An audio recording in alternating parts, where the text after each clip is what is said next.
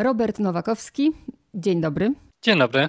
Z wykształcenia prawnik, z zawodu i z zamiłowania tak sobie wykoncypowałam po tematyce obu pana książek historyk. Z zamiłowania historyk, tak. No i z zawodu pisarz czasie... teraz chyba mogę tak powiedzieć. można tak powiedzieć, chociaż mi się wydaje, że pisarzem zostaje się dopiero wtedy, kiedy można żyć z książek, a to jest ciężka sprawa. No tak, to jest ciężka sprawa, to jest temat na zupełnie inną historię. Człowiek z Sową, 2015 rok i teraz Ojczyzna Jabłek, tak się cudownie złożyło, że rozmawiamy w dniu premiery tej książki. Także, tak, cieszę się bardzo. Tak, gratuluję bardzo tej książki i patrzę od razu na te daty. 2015, 2021, no jest trochę przerwy, ale pomyślałam, że po pierwsze, sporo czasu trzeba, żeby taki temat zgłębić, czyli jakby już widzę też, że pan nie należy do mm, twórców, albo na razie nie należy do twórców, którzy produkują trzy książki rocznie albo dwie. Czy właśnie ta, ta taka długa przerwa między jedną a drugą była spowodowana tym tematem? Nie do końca. W międzyczasie napisałem jedną książkę, która mam nadzieję, że kiedyś się ukaże. Dzięki tej poprzedniej książce właściwie trafiłem do wydawnictwa literackiego, ponieważ przesłałem ją Wcześniej wydawnictwu się spodobało, spodobał się temat, ujęcie tematu, ale stwierdzili, że jednak nie wydadzą tamtej książki, natomiast poprosili, że gdybym tylko miał coś nowego, to chętnie przeczytają. No i udało się właśnie wydać tą nową książkę w wydawnictwie literackim. Ja od razu powiem y, słuchaczom, że to nie jest literatura y, łatwa, lekka i przyjemna ale bardzo potrzebna. I ja po skończeniu tej książki, pierwszą myśl to miałam taką, jak bardzo nie doceniam tego, w jakich czasach żyję, pomimo, że ciągle na nie psioczymy. A druga myśl to była taka właśnie, że to jest to jest po prostu niewiarygodne i niemożliwe, że sobie tak, że sobie tak można zniknąć. Zniknąć tak, w ogóle, tak. z, bo, powie, bo teraz jakby wprowadzę w świat przedstawiony. Mamy rodzinę rabików, nie tylko, ale na razie o nich mówię, e, którzy byli bojkami. Bo rzeczywiście on jest rzadko poruszany, akcja Wisła i te sprawy, bo tego dotyczy ta książka przesiedleń i tak dalej. Ale e, rzadko trafiałam na bojków, bo nawet Jędrzej Pasierski, jak ostatnio napisał kryminał, to tam w tle dał akcję Wisła, ale dał tam przesiedlenia Łemków i trafiłam na taką książkę Nóżka Scelina Kozłowski. Nie wiem, czy pan ją czytał, zanim wyjedziesz w Bieszczady, przystanek Jezioro. I tam właśnie y, dokładnie są te tereny opisane, o których pan pisze. I moje pytanie brzmi tak, bo jak tu rozmawia jeden z, z autorów y, tej książki, jak pada pytanie o bojków, to ci ludzie tam, y, którzy mieszkają, to oni są właśnie zdziwieni. Oni, jacy bojkowie, jacy bojkowie, oni... Tak, to jest racja. Oni się nie nazwali bojkami, bojkowie to rzeczywiście jest koncept e, etnografów. Ja nawet napisałem o tym w posłowiu, ale zdecydowałem się używać tej nazwy, ponieważ ona jest dobrze rozpoznawalna. E, ciężko było używać innej. Ewentualnie można byłoby używać takiej sztucznej nazwy, która funkcjonowała przed II wojną światową, Rusini. Mhm. To była ludność właśnie władająca językiem albo gwarami zbliżonymi do języka ukraińskiego albo mówiąca językiem w języku ukraińskim. I Rusini to byli właśnie Bojkowie, Łemkowie. Y, natomiast oni sami bardzo nie lubili tej nazwy. Etnografowie sami, chociaż jej używają, to wspominają, że ta nazwa powstała w związku ze słowem wół. Bojkowie bardzo lubowali się w hodowli wołów. To było dla nich y, chyba najbardziej opłacalne, ponieważ ziemia, gleba tam była bardzo słaba. Rolnictwo y, nie przynosiło dużego dochodu, natomiast hodowla wołów przynosiła. Oni sprzedawali je później na targach. Tak więc to określenie bojko było jednoznacznie negatywne. Wiązało się z jakąś powolnością w ruchach, z taką ciężką budową ciała. Y, sami bojkowie, jak mówią etnografowie, nazywali się podobno hirniakami lub werchowyńcami. Natomiast to, co ja odkryłem pisząc y, tę powieść, to że każda wieś albo grupa wsi miała własne określenie na to, kim oni są. To były takie małe ojczyzny, oni mieli własne gwary. Czasami te gwary były tak charakterystyczne, że oni nie do końca rozumieli, co mówią na przykład Łemkowie. Przed II wojną światową próbowano wprowadzić elementarz łemkowski do szkół, co było związane z y, polityką władz II RP. Na terenach, o których piszę, istniał y, bardzo silny sprzeciw przeciwko wprowadzeniu tego elementarza łemkowskiego, ponieważ ta ludność po prostu nie rozumiała części słów, nawet nauczyciele nie rozumieli części słów. Wydaje się, że język, y, czy raczej gwara łemkowska i bojkowska powinny być zbliżone, ponieważ wywodzą się z tego samego pnia językowego, ale tak nie było. To już mi pan teraz wyjaśnił właśnie, mm, czyli w skład Rusinów jakby wchodzą Łemkowie i Bojkowie, e, o Werchowyńcach już wiem, a Rusnacy? Tak, ewentualnie mogli się nazywać także Rusnakami, tak, to jest inne określenie. Mhm. Powiedziałbym może, że Rusnakami oni sami by się nazywali, natomiast Rusinami nazywano ich y, mhm. jakby administracyjnie. Pewnie to jest pytanie, które najczęściej Pan usłyszy, no ale nie mogę go nie zadać, bo po pierwsze to jest temat, niby się pojawia, tak jak przed chwilą, czy wymieniłam jedną książkę, czy drugą, czy mamy mnóstwo innych książek nagradzanych, gdzie jest tematyka już poruszana, chociaż mówi się, że to jest wciąż temat tabu, może na Ukrainie nawet większy niż u nas. Dlaczego ten temat? E, ten temat e, przede wszystkim powinienem zacząć od tego, że nie mam osobistych czy rodzinnych związków z Bojkowszczyzną, bo to chyba też pytanie, które pojawia się pierwsze. Nie znam także osób, które jakby w moim najbliższym otoczeniu zainspirowały mnie do napisania, do zajęcia się tym tematem. Początkowo zafascynowały mnie wierzenia bojków. Trzeba pamiętać, że oni mieli bardzo ciekawe wierzenia i obrzędy, niezwykle y, inspirujące literacko. Natomiast y, kiedy zacząłem zgłębiać się w ten temat, wydało mi się, że ważniejsze będzie literacko opisanie tego, jak ten świat zniknął. Pierwsza scena, która zrodziła się w mojej głowie, to była właśnie scena związana ze znikaniem tego świata. To była scena z prologu tego pierwszego rozdziału, walka propasnyka z chmarnikiem. Mm. A druga to była scena również znikania, y, scena końcowa. Wydaje mi się, że te właśnie sceny poprowadziły mnie przez całą powieść i skupiłem się na tym właśnie, nie jakie oni mieli wierzenia i jak fajnie byłoby to opisać z punktu widzenia jakiegoś realizmu magicznego, ale skupiłem się właśnie na tym, czego nie wiemy. Jak te piękne tereny, które są dzisiaj tak zalesione, jak to się stało, że one właśnie są takie, bo przecież powinniśmy pamiętać, że kiedyś było tam bardzo dużo wsi, tych lasów było o wiele mniej. Ta gospodarka leśna była bardzo rabunkowa. Na to zalesienie po wojnie dopiero się zaczęło, nie? Yy, tak. Akcja zaczyna się w 1945 roku, kończy w 1967. Mamy dosyć dużą rozpiętość i mamy wiele miejsc. Yy, wiadomo, że jak zaczynamy w 1945, zaczynamy od, yy, jesteśmy w Bieszczadach, Później mm, z racji przesiedleń jesteśmy na Dolnym Śląsku, na Mazurach, ale o ile Bereźnica Niżna, o ile Zabrodzie, to są miejscowości, miejscowości czy powiat Leski, Lesko w ogóle, to są miejscowości, które są, które istnieją, to są też miejscowości, które są fikcyjne. Tak, to są trzy miejscowości. Pierwsza miejscowość taka fikcyjna to jest y, miejscowość Pasika, w której mieszkają moi bohaterowie. To jest rodzina Rabików, bojkowska rodzina. Umiejscowiłem ją obok Soliny. Wydawało mi się, że nie chciałem umiejscawiać tej mojej rodziny w e, jakiejś prawdziwej miejscowości, ponieważ dzięki temu mogłem stworzyć takie miejsce troszkę magiczne, nieistniejące na mapie. To jest tak, że byli mieszkańcy i ich potomkowie doskonale wiedzą, gdzie kto mieszkał, jak to wszystko wyglądało, wiedzą, gdzie były chaty ich przodków nie chciałem ingerować w te wspomnienia. Pozostałe fikcyjne miejscowości to jest Wasilewo i Cierniów są miejscowości y, na Mazurach i na Dolnym Śląsku, do których moi bohaterowie zostali przesiedleni w ramach akcji Wisła. Właśnie, taka lekcja historii, trochę mm, w skrócie. Mimo, że ludzie, że, że, że byli właśnie, tak jak już powiedzieliśmy, i, i byli Łemkowie, i byli Hucułowie, i byli y, Bojkowie, już ich tak nazywamy, i oni wszyscy byli wymieszani ze sobą i mimo, że były między nimi różnice i podziały, to oni tak naprawdę wszyscy byli tutejsi, czyli tamtejsi, czyli mm, żyli obok siebie i jakoś to było. To słowo Ukraina Ukrainiec pojawia się w czasie wojny. I ten moment, w którym nam się wydaje, że wojna się kończy, czyli moment, w którym się zaczyna akcja pana powieści 45, to tam wojna się zaczyna. Proszę tak historycznie przybliżyć, o co chodzi. Y, sotnie UPA pojawiły się na tym terenie Bieszczad, czy tych y, okolicach, w okolicach Bieszczad w roku 44.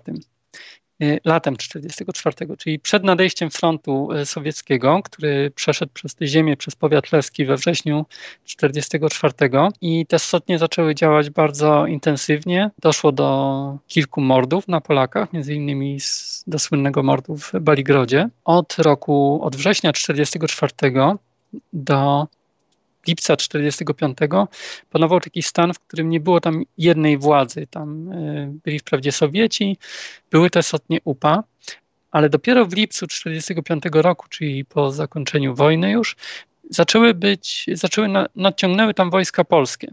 W takich silnych, zwartych y, oddziałach zostały tam rozlokowane i wówczas y, rozpoczęła się, rozpoczął się ten konflikt pomiędzy oddziałami polskimi a sotniami UPA. Wcześniej ten konflikt, oczywiście funkcjonował, tam była też polska milicja, były te oddziały sowieckie, o których wspominałem, ale dopiero po pojawieniu się wojska polskiego ten, ta eskalacja przemocy nabrała przyspieszenia. Trzeba pamiętać, że przed akcją Wisła miały tam miejsce wysiedlenia do Związku Radzieckiego. I to jest zupełnie nieznana karta historii tamtych terenów. I te wysiedlenia były znacznie straszniejsze dla ludności miejscowej. Te wysiedlenia objęły prawie pół miliona osób, dokładnie 482 tysiące osób, z czego 30 tysięcy wyjechało dobrowolnie.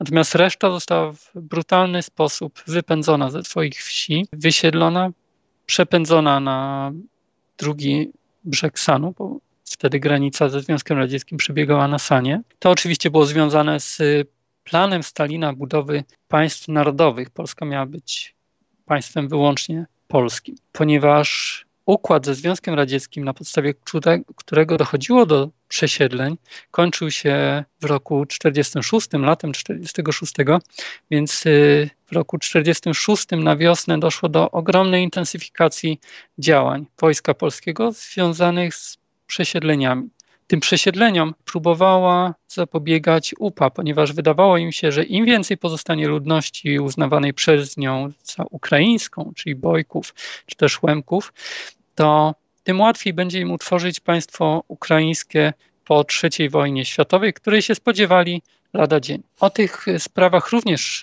piszę w swojej powieści, ponieważ y, zaczyna się ona w lipcu 1945 Y, staram się opisać ten stan chaosu i przemocy, tą bezsilność tej ludności cywilnej wobec tych wszystkich przesiedleń, wobec akcji UPA, no i też oczywiście pacyfikacyjnych akcji Wojska Polskiego i NKWD.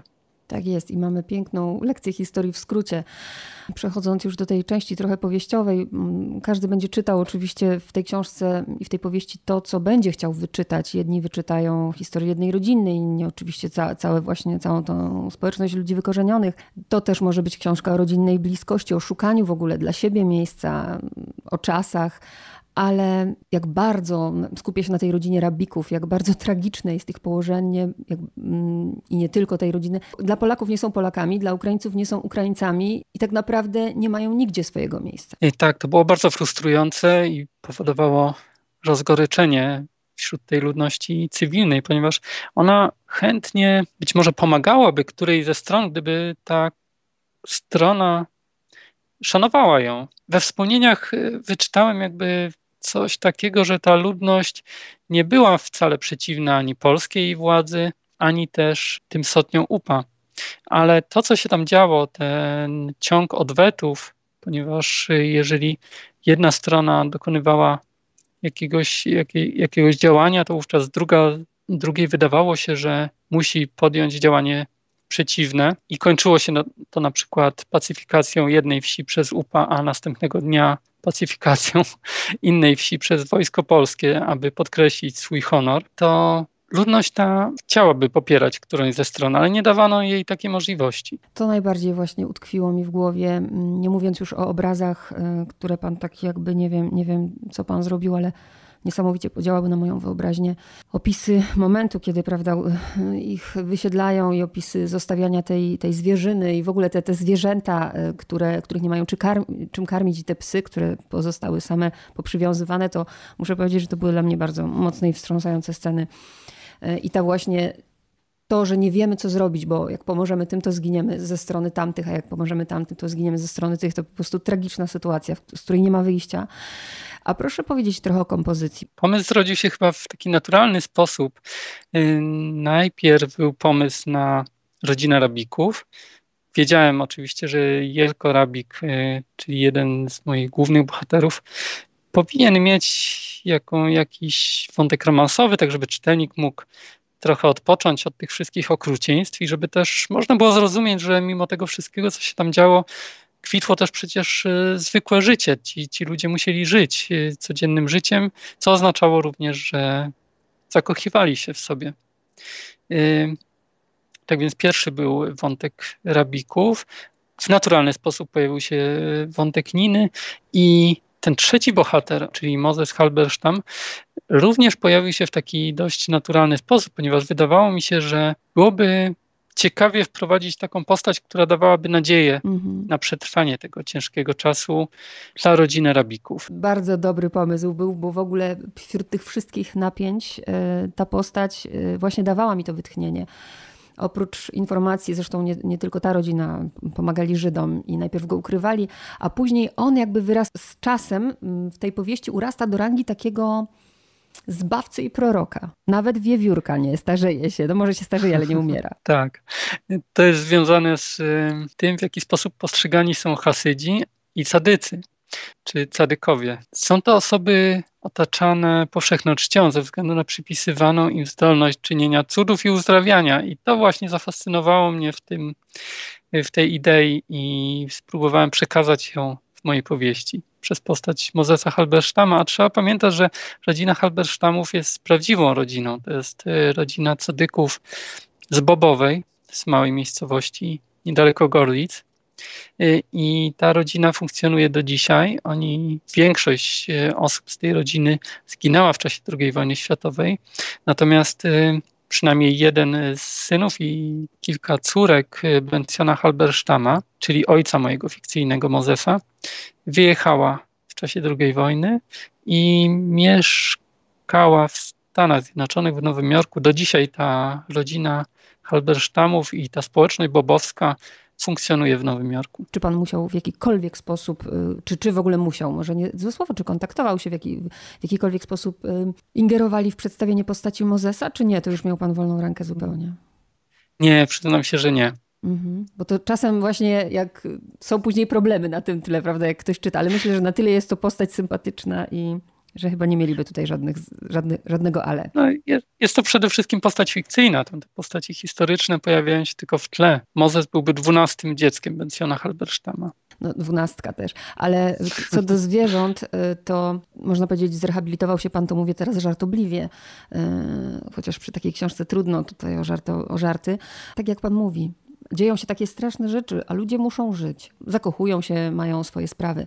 I dzieją się takie straszne rzeczy, gdzie zwierzęta są pokazane w taki sposób i za chwilę dla przeciwwagi ta wiewiórka, że jakby pokazanie cały czas tego, że no, świat nie jest czarno-biały. Tak mi się wydaje, że tak powinna być konstruowana powieść, aby nie koncentrować się tylko na tym, jakie, jaki świat jest zły, ponieważ no wiadomo, w tamtych czasach naprawdę był zły. Warto, żeby czytelnik też pamiętał, że, że są jakieś dobre chwile, dobre momenty, że czasem, jeżeli ma się szczęście, to przez to zło można przejść i wyjść z tego. Może nie obronną ręką, ale przynajmniej żyć. Mhm. No i te zwierzęta są dla mnie bardzo ważne. W ogóle w książkach staram się umieszczać zwierzęta.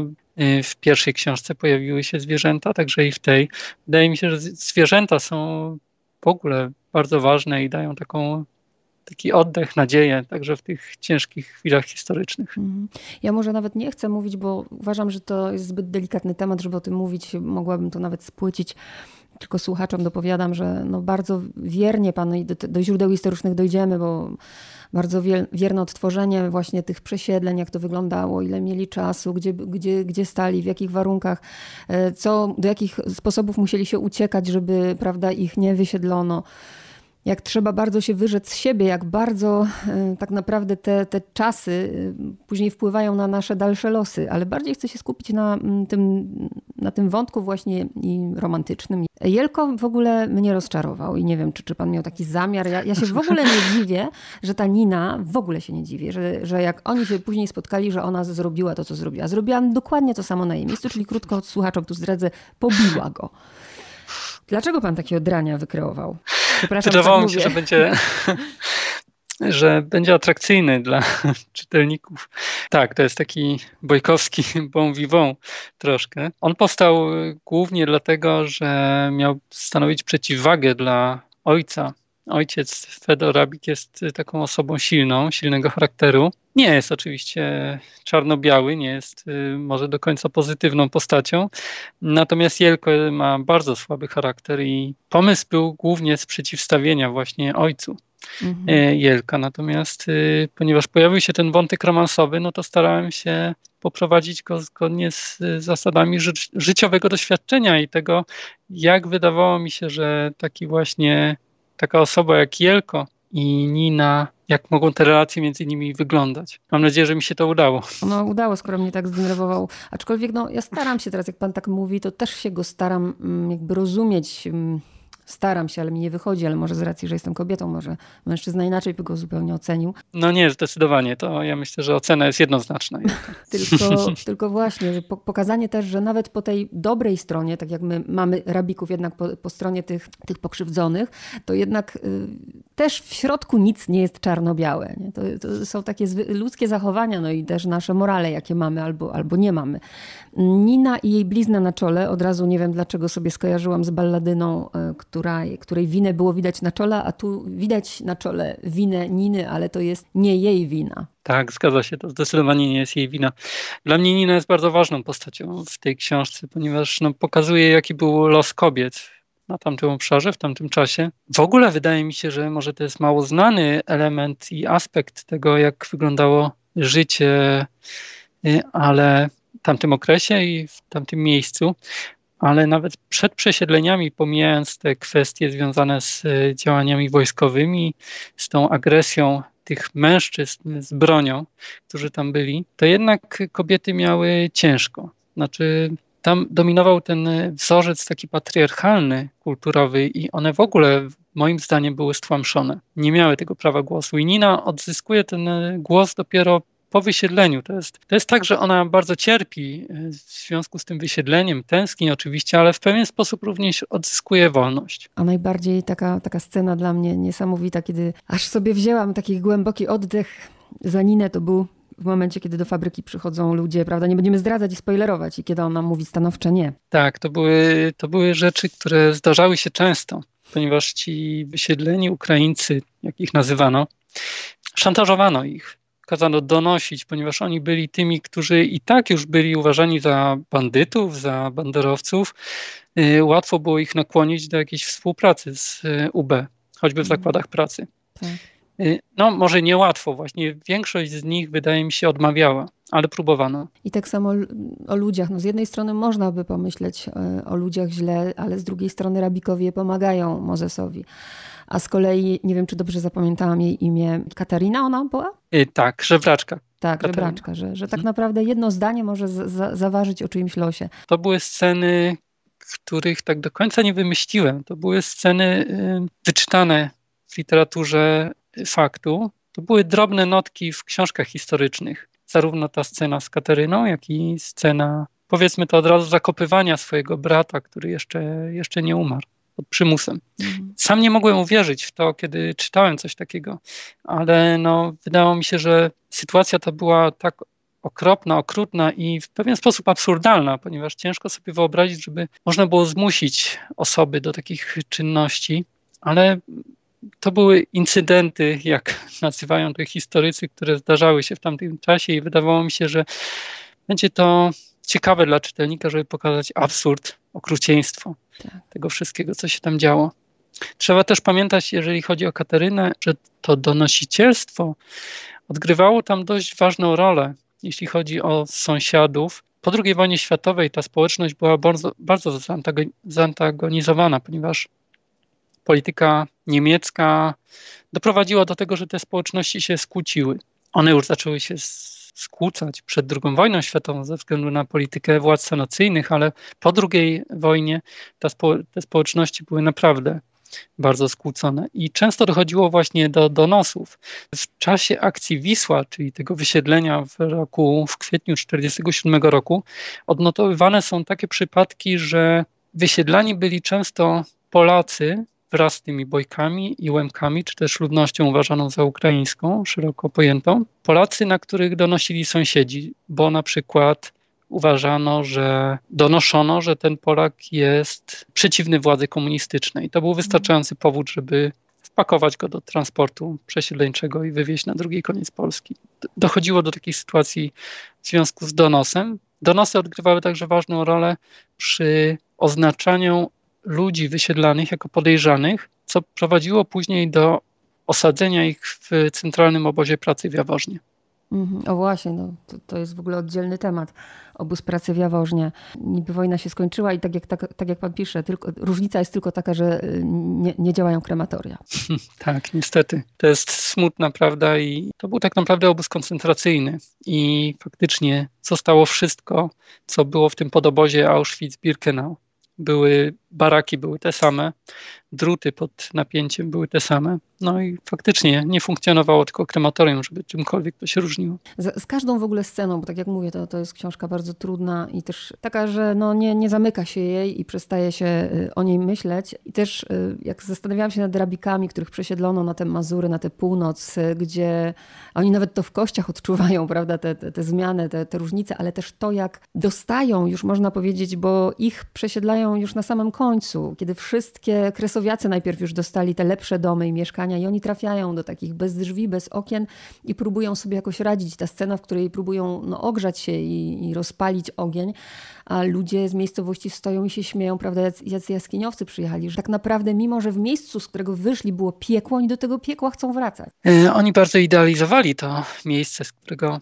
pochodzą, stąd też e, tytuł tej powieści. Mm. To jest taki symbol mitu arkadyjskiego. No tak, myślę, że chcieliby wrócić i próbują wrócić przez całą powieść, przynajmniej niektórzy z nich, rabikowie zwłaszcza. Tak. E, w ogóle rabikowie to taki odrębny troszkę temat, e, to jak oni się odnaleźli tam na tym powysiedleniu, ponieważ ogólnie rzecz biorąc nie, by, nie wszyscy zachowywali się tak jak rabikowie. Rabikowie chcieliby wrócić oni nie mają zamiaru gospodarować na, tym, na tej ziemi, którą im dano. E, oni sobie tam pracują w PGR-ze i zbierają jakieś furmanki, żeby nawet na piechotę pójść sobie do tej mm. ojcowizny, jeżeli tylko administracyjnie będzie to możliwe. A trzeba pamiętać, że oni e, administracyjnie i prawnie nie mieli możliwości powrotu przez długi czas, aż do roku 56. No i oni też nie wpisywali się w to, co, o co władzy chodziło, żeby się zaasymilować. Tak. Mówię o tym dlatego, że tak naprawdę wiele osób, które zostały wysiedlone, yy, zwłaszcza Łemków, to byli to były rodziny, które bardzo starały się gospodarować tam w sposób taki, żeby budzić wręcz, wręcz zawiść tej ludności polskiej, żeby byli najlepszymi gospodarzami w tej wsi, żeby mieli najlepsze gospodarstwa, najczystsze, najlepiej utrzymane. Rabikowie zdecydowanie nie pasują do tego wzorca. Zdradził Pan już, ale to też słuchaczom właśnie powiemy, bo od razu mamy cytat. Na samym rogu tej starej mapy jest kraj, do którego tęsknię. Jest to ojczyzna jabłek, pagórków, leniwych rzek, cierpkiego wina i miłości. I chociaż w wierszu Herberta zupełnie o inną krainę chodzi, to dwojaką można powiedzieć ten tytuł. Tęsknota Rabików za tym miejscem. Dwa, nawet w tej książce Bieszczady, zanim wyjedziemy w Bieszczady, właśnie pani Alicja, z którą rozmawia tu jeden z bohaterów właśnie mówi też, ja nawet nie miałam takiej świadomości, bo ja zawsze myślałam, że to jest jakby Mazowsze jest tym, tą krainą owocowych drzew, a okazuje się, że właśnie tam jest ich bardzo dużo, jabłek, śliwek, ale też ta kraina, ja to tak interpretuję, tych, tych, ta ojczyzna jabłek, której, której po prostu już nie ma. Tak, to jest ojczyzna, której rzeczywiście nie ma pod każdym względem i przekonałem się do tego tytułu w taki sposób y, dosłowny, fizyczny, kiedy byłem w Bereżnicy Niżnej, czyli tej miejscowości, która pojawia się w mojej powieści.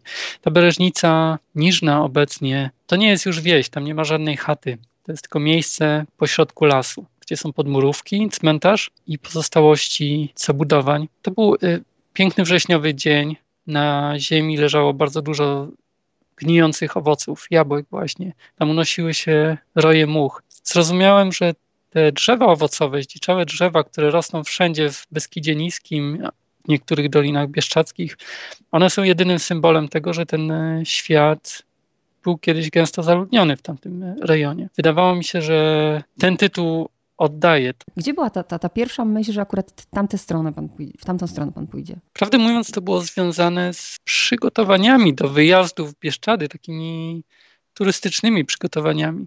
Zacząłem czytać o tamtych rejonach, ponieważ jeżeli gdzieś jadę, to staram się jak najwięcej, jak najbardziej zrozumieć dany rejon. Dotyczy to zarówno Polski, jak i zagranicy. I właśnie zafrapowały mnie te wierzenia. One są niezwykle pobudzające wyobraźnię. I to był ten impuls. Dopiero później y, skupiłem się na tej historii powojennej. Wcześniej myślałem, że będę pisał może o tym, co działo się w dwudziestoleciu międzywojennym, może jeszcze wcześniej, ponieważ ten świat y, takich wierzeń i obrzędów zaczął oczywiście zanikać już przed II wojną, ale on był w dalszym ciągu bardzo obecny. Zresztą chyba najwięcej źródeł pisanych, takich etnograficznych, pochodzi właśnie z okresu dwudziestolecia międzywojennego, a nawet lat 30., więc on wcale nie zanikł jeszcze wtedy. To był ten impuls. No i jeszcze te źródła, bo domyślam się, zresztą często pada to słowo, więc źródła etnografów na pewno, bo tutaj mamy też y, i kulturę, i źródła historyczne, bo oprócz tego, że pan no, no jest część fikcyjna, to jednak jest to i to czuć.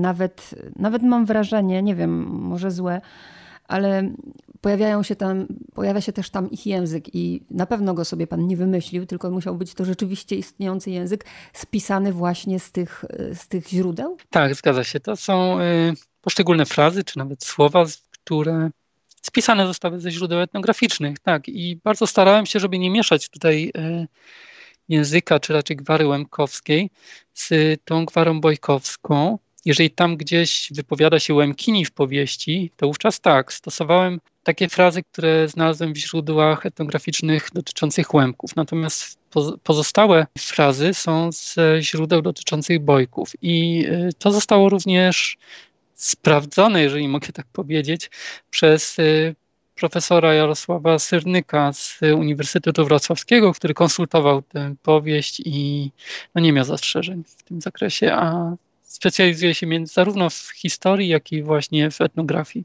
tych rejonów.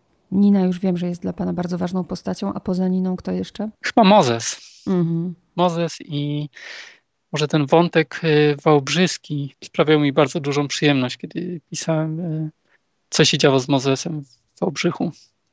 Gdyby nie Mozes, to myślę, że to można by nie dźwignąć tej książki, ale mówię to teraz też, że to jest naprawdę bardzo...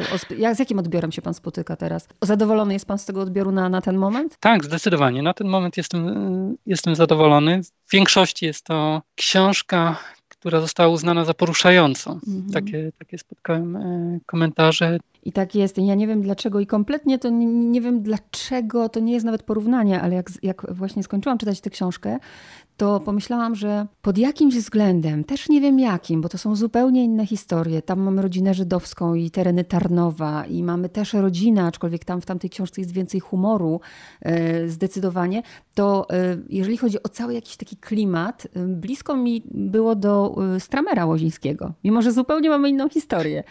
A tak, to, oczywiście. A proszę tak, to musi się pojawić. Tak, a mhm. to proszę potraktować jako komplement duży, naprawdę. oczywiście, no przecież Stramer Kramer to bardzo ważna książka, jedna z najważniejszych z wydanych w zeszłym roku. No i myślę, Zresztą w tym samym wydawnictwie. Także A no tak. tak. I myślę, bardzo się że, cieszę. Myślę, że w takim razie o tej książce też będzie głośno i też będzie nagradzana, czego panu życzę. Mam nadzieję. Dziękuję bardzo. bardzo. Dziękuję. Dziękuję.